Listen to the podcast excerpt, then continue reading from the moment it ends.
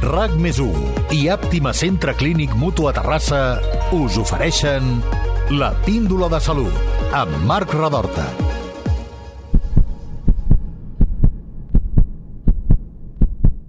Sabíeu que un de cada 10 nadons arriba abans d'hora?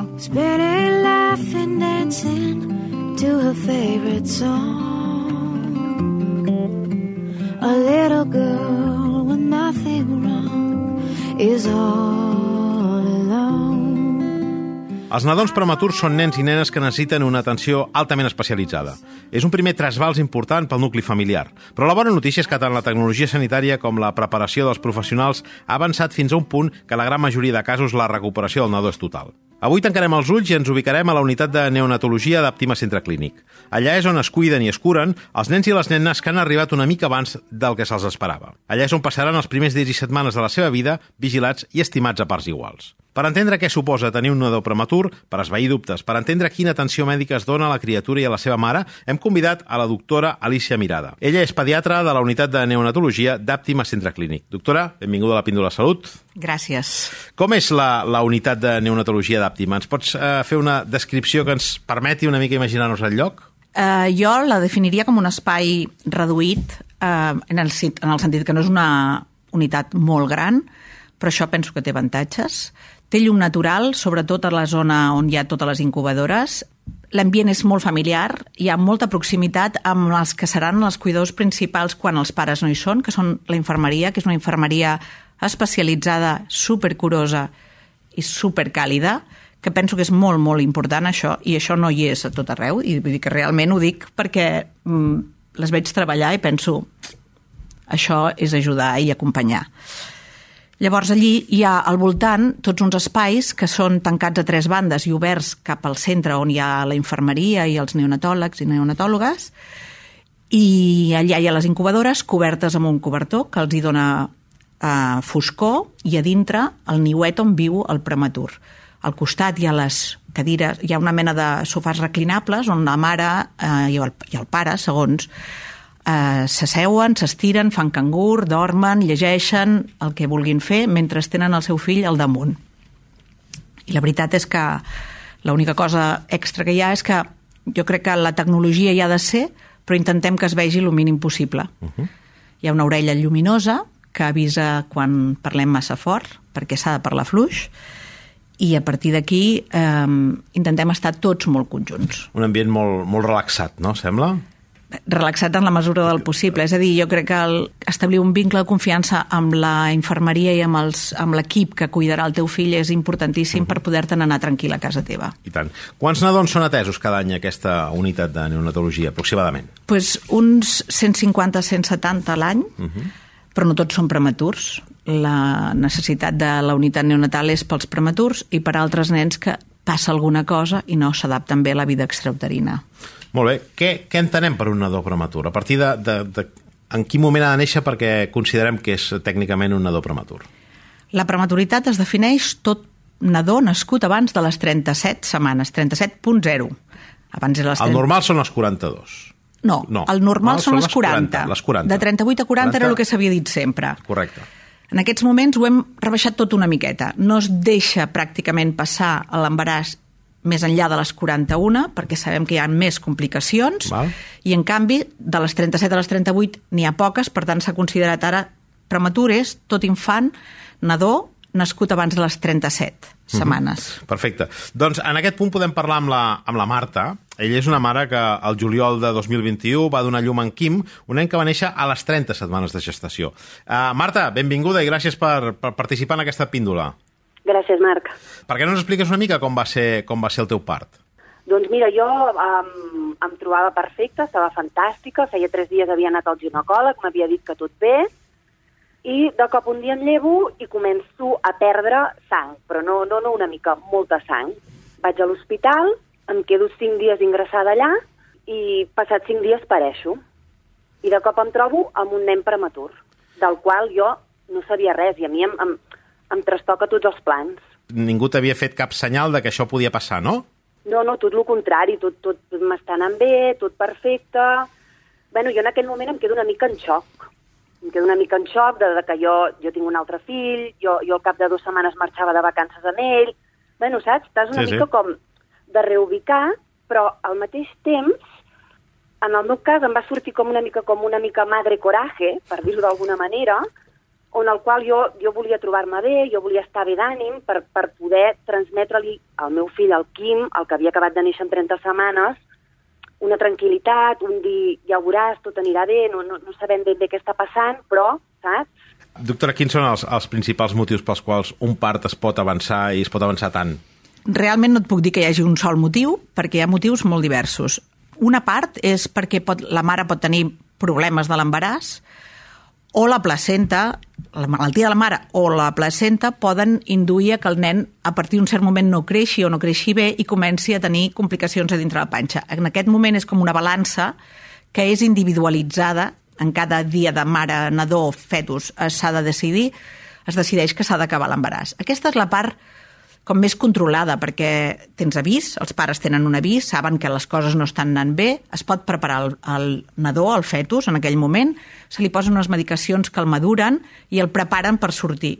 No sempre hi arribem tan a temps, perquè de vegades es trenca de cop la bossa i no podem parar el part, de vegades sí que el podem parar i de vegades no, de vegades es desprèn, és a dir, poden haver-hi causes molt sobtades que provoquin un part prematur. I la, la tercer, el tercer grup és que el pare es posi en marxa i no puguem aturar-lo perquè hi ha una infecció. Ah. Hi ha, hi ha moltes varietat. I, I aquests parts que són més inesperats, com, com es gestionen des del punt de vista tècnic? Quines, quines diferències hi ha per la, per la mare i, i també pels professionals respecte a un part que seria més o menys normal?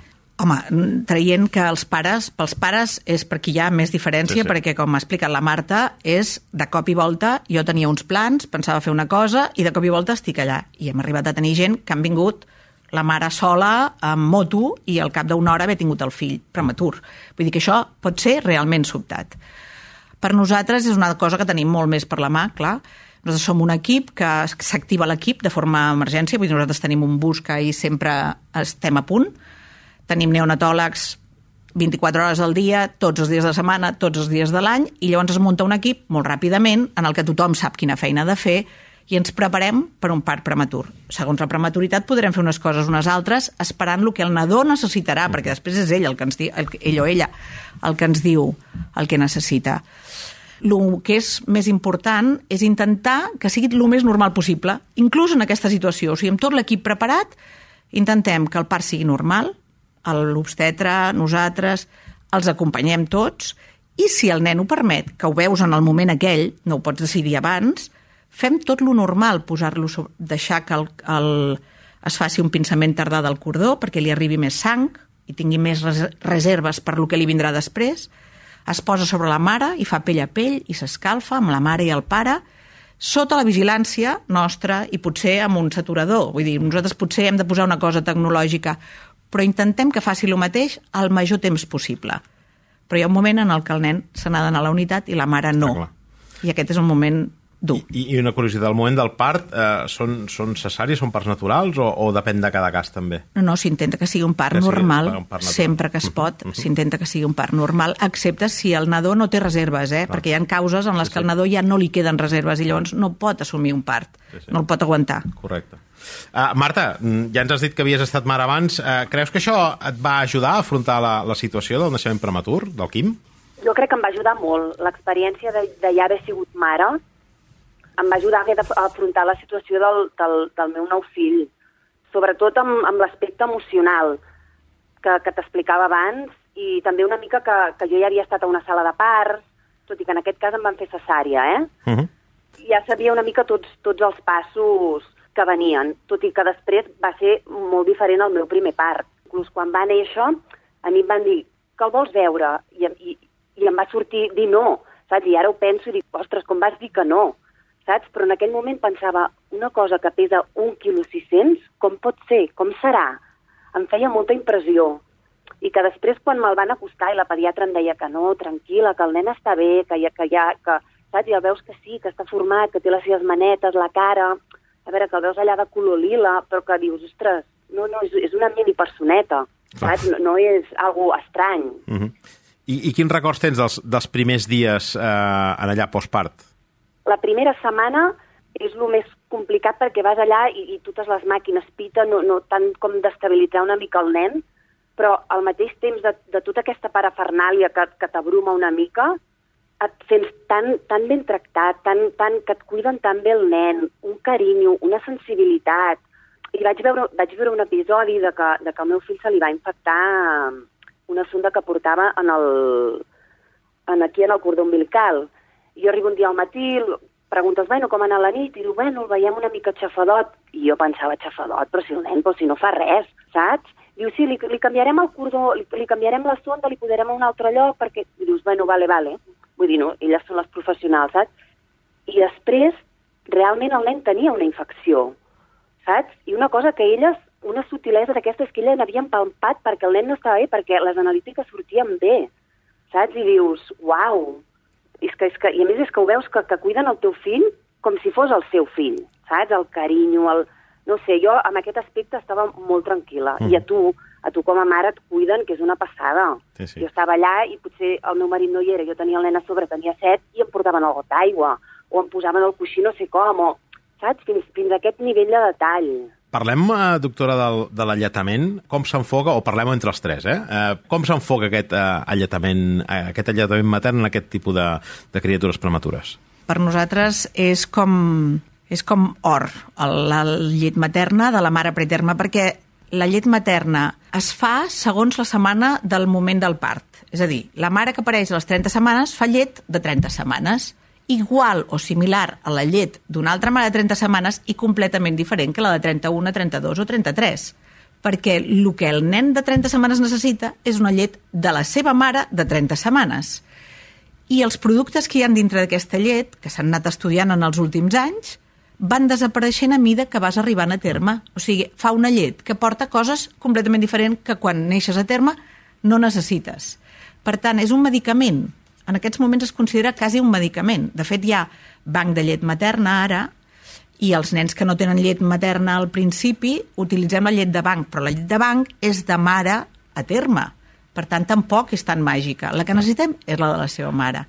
Tu, Marta, vas poder donar, vas poder donar el pit, no? Jo sí, sí, perquè jo també, com que ja havia tingut un altre fill, que durant dos anys li vaig donar el pit, jo era una mica ja veterana en tema lactància, saps? I això em va ajudar molt a part de que jo generava molta llet. Jo ja des del primer dia ja vaig, ja vaig treure allò mig potet de llet. I allà, a, a, allà a neonats em, em, em feien festes.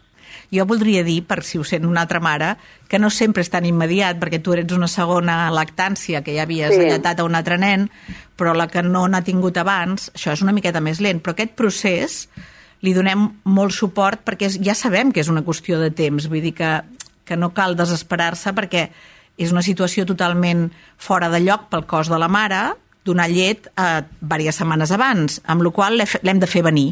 I si no ha tingut un alletament previ, el fer-la venir fora d'hora és una miqueta més llarg. Però si arriba.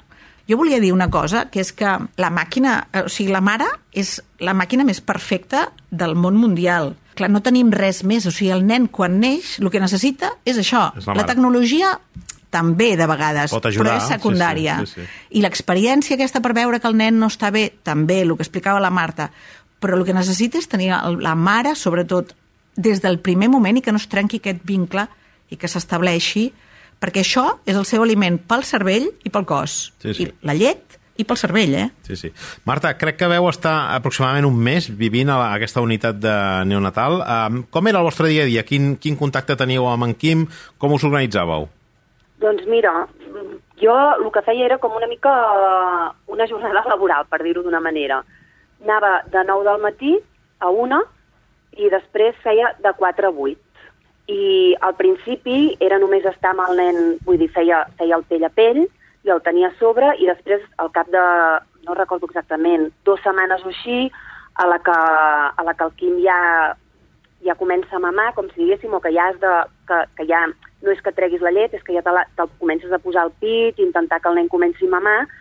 Després sí que l'horari ja se'm movia una mica perquè, depenent de les hores que ell li tocava mamar, jo també m'havia d'anar adaptant una mica. Doctora, els, els pediatres sempre analitzen, analitzeu i mesureu el desenvolupament de les criatures per setmanes i per mesos. Eh, com es fa en un nadó prematur? Quina és la seva edat real d'aquesta criatura? L'edat real del nen és no el dia que va néixer, sinó el dia que hauria fet 40 setmanes. I això seria corresponent a l'edat corregida, que n'hi diem. Uh -huh. Li corregim fins a les 40 setmanes i a partir d'aquí els mesos de vida que té. I així es pot comparar, perquè és una, un factor d'estrès molt important per a les mares veure que un altre nen de dos mesos fa el doble de tamany o, fa, o ja riu quan el teu... Esclar, és que en té zero i no pot riure perquè no pot riure, perquè en té zero. I llavors aquest, hi ha un moment en els primers mesos que aquesta diferència es veu molt, després ja es va veient menys. Eh, fins quan... És a dir, quan es posen ja eh, al dia els nadons prematurs? Hi ha un, més o menys un any, dos anys... Nosaltres els seguim molt més temps, eh? depenent de, de, la, de lo que ha tingut el nen, però mm, es posen al dia, mira, amb tamany, amb, amb tamany diguem-ne, Sí, nosaltres el sí, sí. seguiment, les gràfiques, les tenim fins Els a dos anys. percentils i tot allò Els que fan, percentils que, que tenen una importància relativa, Sí. però bueno, el creixement té uh, fins a dos anys. Molts prematurs tenen un creixement normal al cap de poquíssim temps. Correcte. Però sempre que tu miris corregit, Clar. perquè és clar, el que no, no pot ser, vull dir, el, el, tim, el, el temps comença el dia que l'espermatozou i l'òvul es troben, vull Sí, dir, sí. per tothom. Sí, sí. Eh, Marta, en Quim té ara uns 8 mesos, crec, eh, aproximadament. Eh, tens el, encara algun neguit vinculat al, al seu naixement prematur? Sí, sí, sí. Sobretot el tema això de, de, de si fa la talla del nen de 8 mesos. Jo tinc el neguit que tinc per una, una veïna que li va néixer el nen igual que el, que el Quim. Jo sempre me la trobo pel carrer, jo sempre vaig a preguntar-li a veure quan pesa el nen, li faig, em miro el nen amb lupa, el comparo amb el meu, saps? Per exemple, ara fa poc me vaig veure i em deia, no, és que... Ja La, la doctora quilos". fa que no amb el cap, eh? La doctora fa que no amb el cap, que no cal, que no cal. No, que, que després, jo, després jo mateixa dic, Marta, que el teu té dos mesos menys. Clar. Però en el fons tu tens el rau-rau aquell de dir, bueno, vale, no hi ha tanta diferència, saps? O, o, vas, o vas al metge i et diu que es posa la, la mà a la boca, i tu sí, sí, sí, saps? Vaig anar fa poc i m'han dit, posa la mà al peu. I vaig dir, ostres, no, això no ho fa. I el metge m'ha dit, tranquil·la, que, no, que, que ja ho farà, eh? I ara ja ho fa, saps? I dic, veus, bien, ja ho fa. Saps que potser amb el meu altre fill aquest neguit no el tenia tant amb, amb què, que com que tinc pressa perquè, perquè creixi, perquè faci el que li toca, quan, quan és això que, que, que sempre m'ho diu l'Alicia moltes vegades, que, que té dos mesos menys, que no, no, no correm. Però tu com a mare vols que el teu fill faci tot el que li toca a l'edat que no li toca, bueno, saps? Bueno, la cosa està en que els primers mesos les adquisicions del nen tenen un marge de, posa-li més menys dos mesos. Per tant, aquests dos mesos és estar fora del, de, de poder-ho fer. I, en canvi, el caminar és normal als 10 mesos i als 18. Vull dir, Clar. que l'amplitud és molt més gran i a partir d'aquí, per descomptat que llegir, hi ha nens que llegeixen en una època i els altres un any més tard, i això tot és normal. Amb la qual a poc a poc, això va desapareixent, aquesta angoixa. Correcte. I quan es pot afirmar completament que no hi ha cap seqüela d'un naixement prematur? El, el seguim fins que llegeixen i compten, com si Correcte. diguéssim, si han sigut molt prematurs.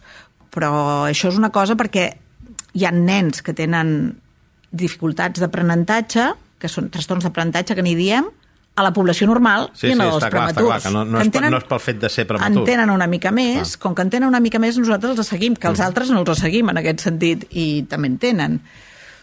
Per tant, no cal estar pensant que passarà això. Jo haig de dir que la, el seguiment el fem perquè hi ha moltes coses per detectar i poder ajudar. Però el que és més important pels nadons és, quan neixen, el vincle, no trencar aquesta línia.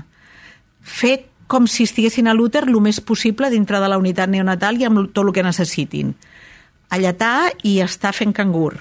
I després, quan han de créixer, que l'ambient que l'ambient sigui el que nosaltres n'hi diem el nurturing, nurturing que és Sí.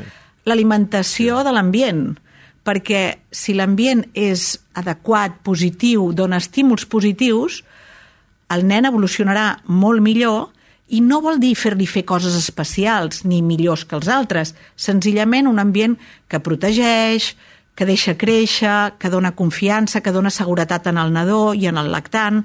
I això és una cosa que és molt difícil d'ensenyar i, que, i que realment s'ha vist que és la que influeix més en el desenvolupament d'aquests nens. com en el dels altres nens, també, eh? Està clar. en Sí, el sí, de clar. tots els nens. Llavors, això és molt important i no cal estar pensant tant quan faran una cosa i quan faran l'altra, perquè les faran totes. La píndola sí. en Eh, un una minut. última pregunta, doctora. Haver tingut un part prematur pot condicionar embarassos posteriors?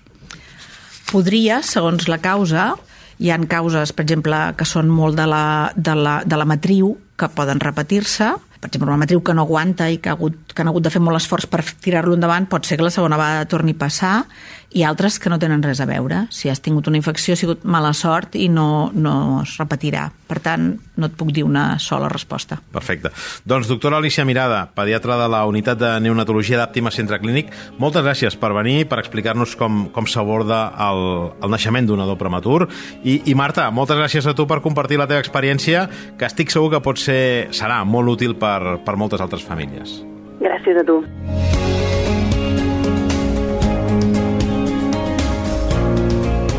La píndola en un minut.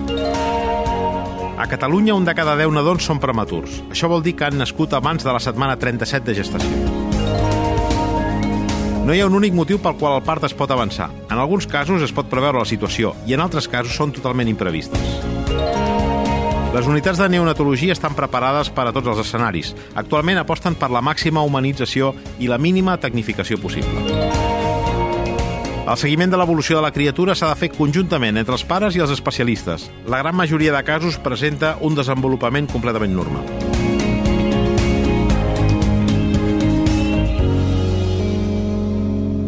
RAC més 1 i Àptima Centre Clínic Mutu a Terrassa us han ofert la píndola de salut amb Marc Radorta.